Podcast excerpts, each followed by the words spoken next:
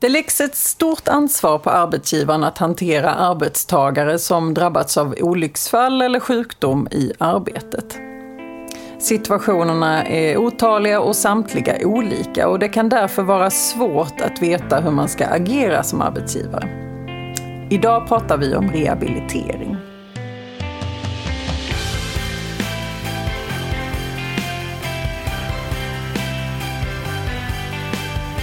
Hej och välkommen till Arbetsrättspodden. Podden för dig som verkar inom HR eller hanterar personalfrågor i din vardag. I den här podden vill vi bjuda på nya infallsvinklar och dela med oss av vår kunskap för dig som arbetar inom HR-området. Jag heter Emelie Svensäter Järntorp och arbetar som advokat inom arbetsrätt här på Vinge och med mig idag har jag min kollega Åsa Gotthardsson som är delägare och specialist inom arbetsrätt på vårt Stockholmskontor. Hej Åsa! Hej!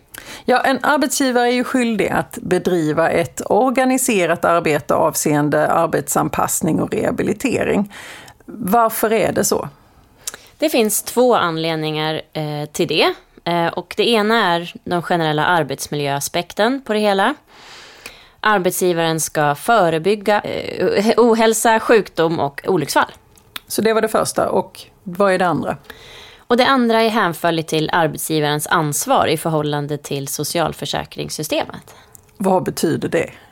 Det betyder helt enkelt att eh, eller det syftar till att återge eh, arbetsförmågan till någon som drabbats av sjukdom. Så man ska kunna komma tillbaka och arbeta antingen hos sin arbetsgivare eller hos någon annan? Precis.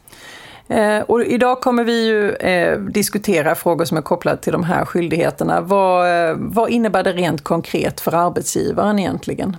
Konkret för arbetsgivaren så innebär det att man dels ska bedriva det här förebyggande arbetet som ofta är en del av arbetsgivarens vanliga arbetsmiljöarbete.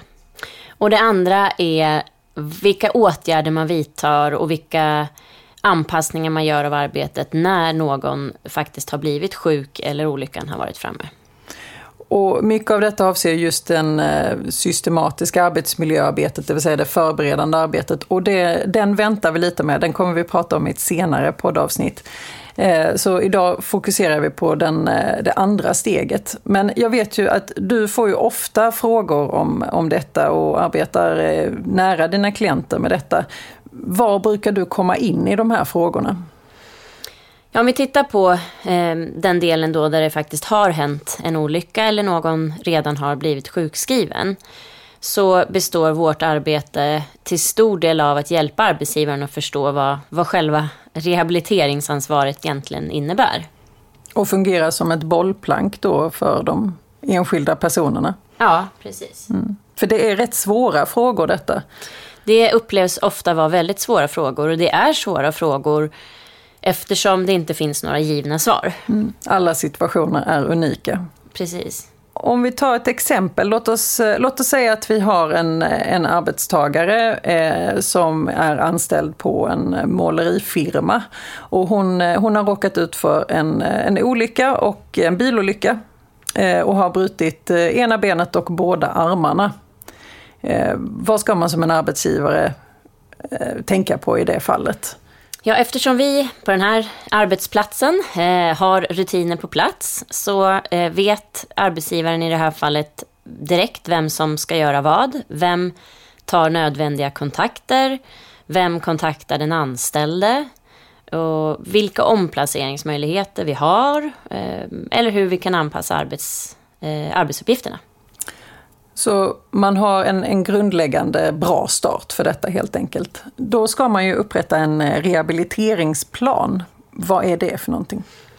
Det är en analys kan man säga av eh, dels vilka konsekvenser den här sjukskrivningen får, för, eller olyckan eller sjuk, sjukfallet får för den anställde och hur det påverkar arbetet. Och vilka åtgärder som kan vara lämpliga i den här speciella situationen. Och när ska det upprättas? Det ska upprättas senast dag 30 eh, på en sjukskrivningsperiod som väntas bestå i minst 60 dagar. Och vem har ansvaret för att ta fram den? Det är arbetsgivarens ansvar, men man ska gärna och eh, fördelaktigt blanda in den anställde. Så det skulle kunna vara en situation där den anställde inte vill medverka till rehabiliteringsplanen? Ja, antingen inte vill eller kanske inte kan beroende på eh, hur, vad som har hänt. Eh, och då får man helt enkelt upprätta den eh, så bra man kan utifrån sjukintyget eh, och utifrån kanske diskussioner med Försäkringskassan. Och vart ska den sen skickas? Den skickas sen till Försäkringskassan som, som numera har eh, ansvaret för eh, att driva rehabiliteringsprocessen. Så kan man säga att rehabiliteringsplanen på sätt och vis är kickoffen för detta som är basen för det framtida eller fortsatta arbetet. För, för det, är ju, det är ju inte ett passivt dokument. Nej, men det är basen för en längre sjukskrivning. Jag vill ändå betona att, att om en sjukskrivning förväntas pågå under mindre än 60 dagar så har man ju inte den här skyldigheten. Men man ska inte vänta med åtgärder eller insatser eller kontakter med den anställde. Så rehabiliteringsplanen ska skickas in eh, du nämnde eh, sjukintyg här. Vad, vad är normalt sett ett sjukintyg?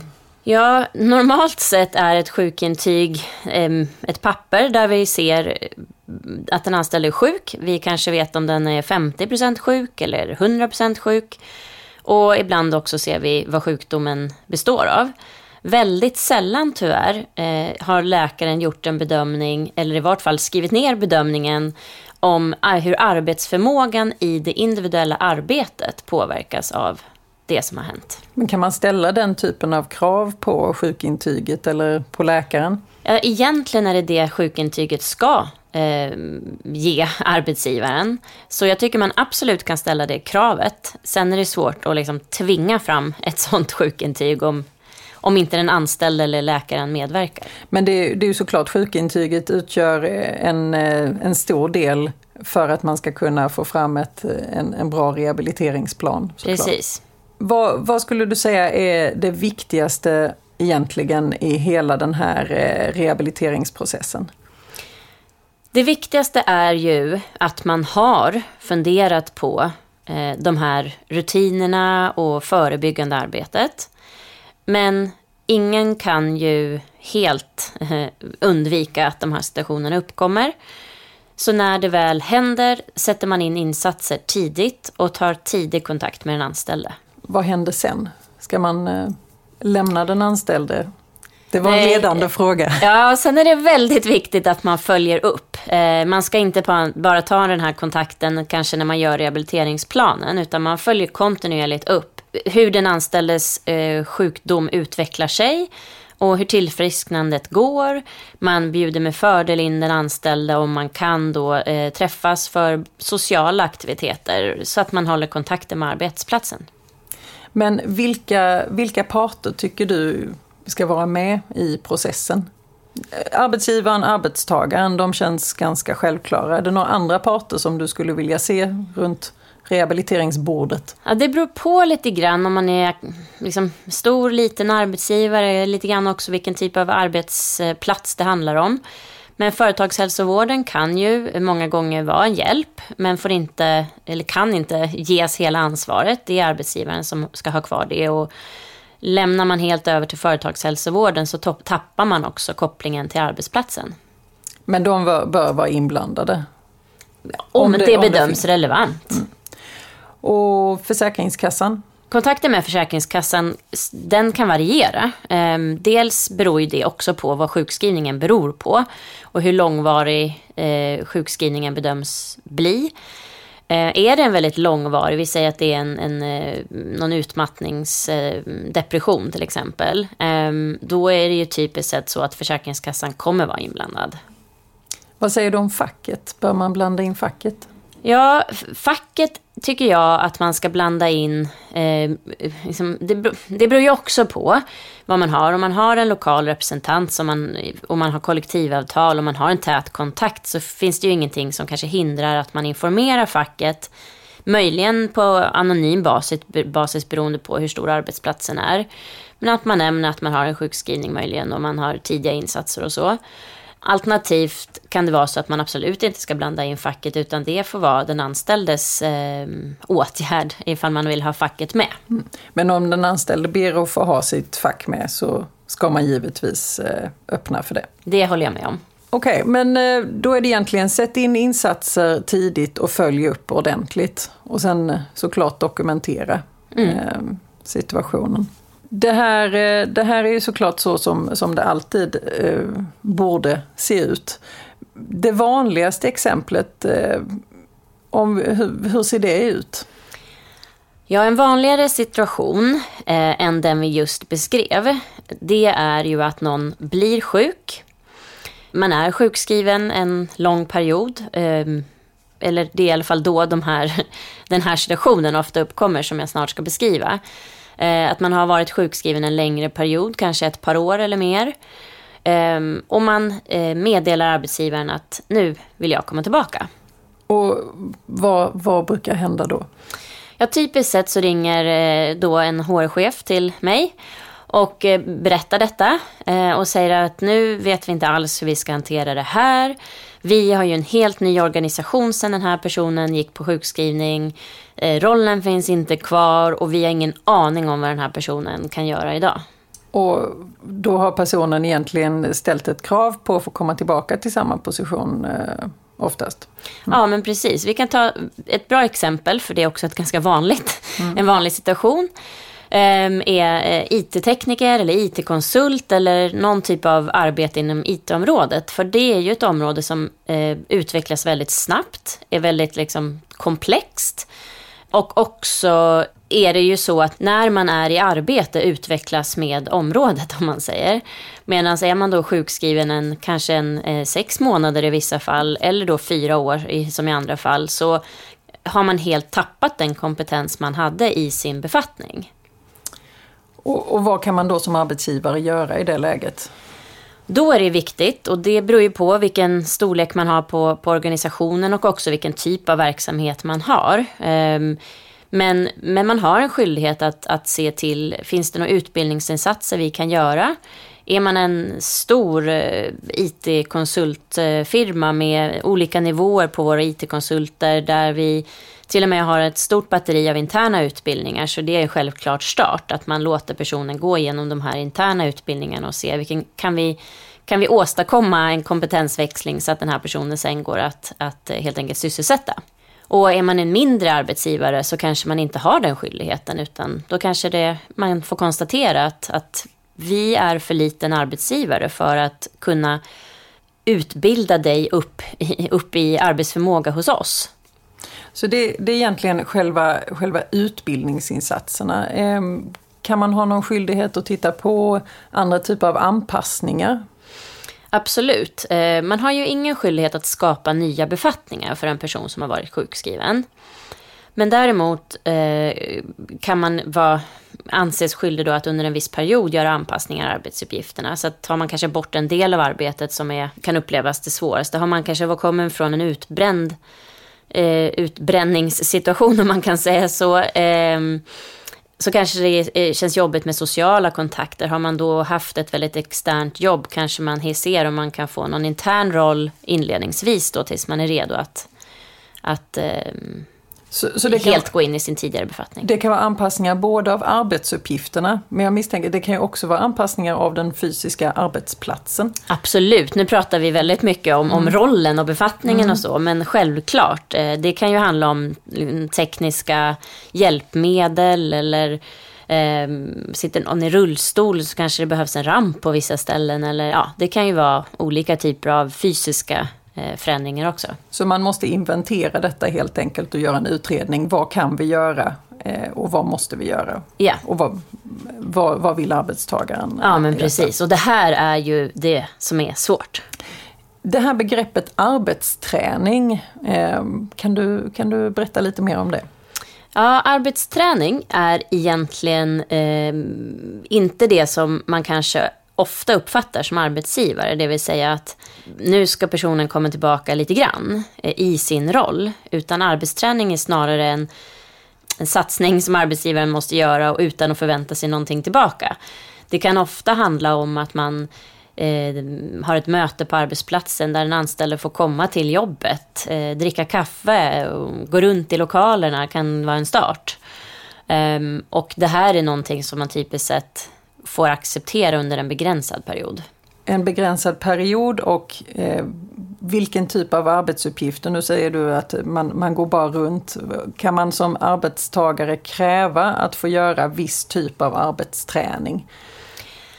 Allt handlar om vilken arbetsplats man är. Ehm, och finns de möjligheterna så kan man kräva det. Ehm, jag har tidigare i år hjälpt till med ett fall där, där det var en väldigt liten arbetsplats. Det var fem personer på jobbet eh, och de ingen av dem var på kontoret eh, sådär 9 till 5. Eh, och det fanns inga typer av administrativare, enklare uppgifter. Och där sa arbetsgivaren bara nej, helt enkelt. Vi har inga sådana typer av arbetsuppgifter. Så nu arbetstränar den personen eh, på ett annat företag eh, via Försäkringskassan. Och Försäkringskassan betalar då rehabiliteringsersättning under tiden. Det är ju faktiskt ett väldigt bra tips. Att funkar det inte på den här arbetsplatsen så kan det finnas eh, på andra platser istället. Och då är det bra att man har en god kontakt med Försäkringskassan i den delen såklart. Alla de här situationerna egentligen eh, syftar till, som som, som sig bör är att arbetstagaren på något sätt ska återgå i arbete. Men kan det finnas någon situation där det blir aktuellt att man inte kan återgå i arbete utan att det faktiskt blir en eh, uppsägning? Det, det, kan vara så. Eh, de fallen är inte många och eh, om man följer Arbetsdomstolens praxis så är de väldigt få. Ehm, det finns ett väldigt tydligt exempel med en brandman som fick en hjärtattack och eh, i, på den här arbetsplatsen så var alla brandmän tvungna att kunna göra rökdyk. Eh, och det får man inte göra någonsin igen i livet om man har fått en hjärtattack som brandman. Eh, blev då tydligt i det här rättsfallet och då bedömde Arbetsdomstolen att, att i det här fallet så var eh, nedsättningen, det vill säga eh, risken för nya hjärtproblem om man rö rökdyker, Eh, den var för stor, så det här är en stadigvarande nedsättning. Alltså en, en nedsättning som varar för, för all framtid, höll jag på att säga. Eh, och man kunde inte anpassa arbetsförhållandena. Eh, så på det viset fanns det inget arbete av betydelse som den här brandmannen kunde utföra. Och man, eh, ja, enligt läkarintyget då, så fanns det inte någon möjlighet att eh, återgå i den tidigare befattningen. Och då fanns det saklig grund. Men detta är ju då yttersta, yttersta undantagsfall. Ja, absolut. Sen ska man ju, tycker jag, inte heller vara rädd för att använda den situationen om den ändå uppstår. Um... För det är ju klart, det är bäst för båda parter också då att man, man hittar en lösning så att man kan gå vidare i livet och att man inte försöker gå tillbaka till någonting som inte är realistiskt i slutändan. Ja, för en stor skillnad mellan Försäkringskassans ansvar i det här liksom, socialförsäkringssystemet är ju att Försäkringskassans ansvar är att rehabilitera en person på hela arbetsmarknaden. Medan arbetsgivarens ansvar är begränsat till arbetsplatsen och ens egen organisation. Och det får vara de avslutande orden för idag. Tusen tack Åsa! Tack själv! Dagens gädda Tänk på att agera i god tid och att insatser sätts in tidigt. Redan efter en kort tids inaktivitet eller frånvaro från arbetet minskar förutsättningarna för rehabilitering kraftigt.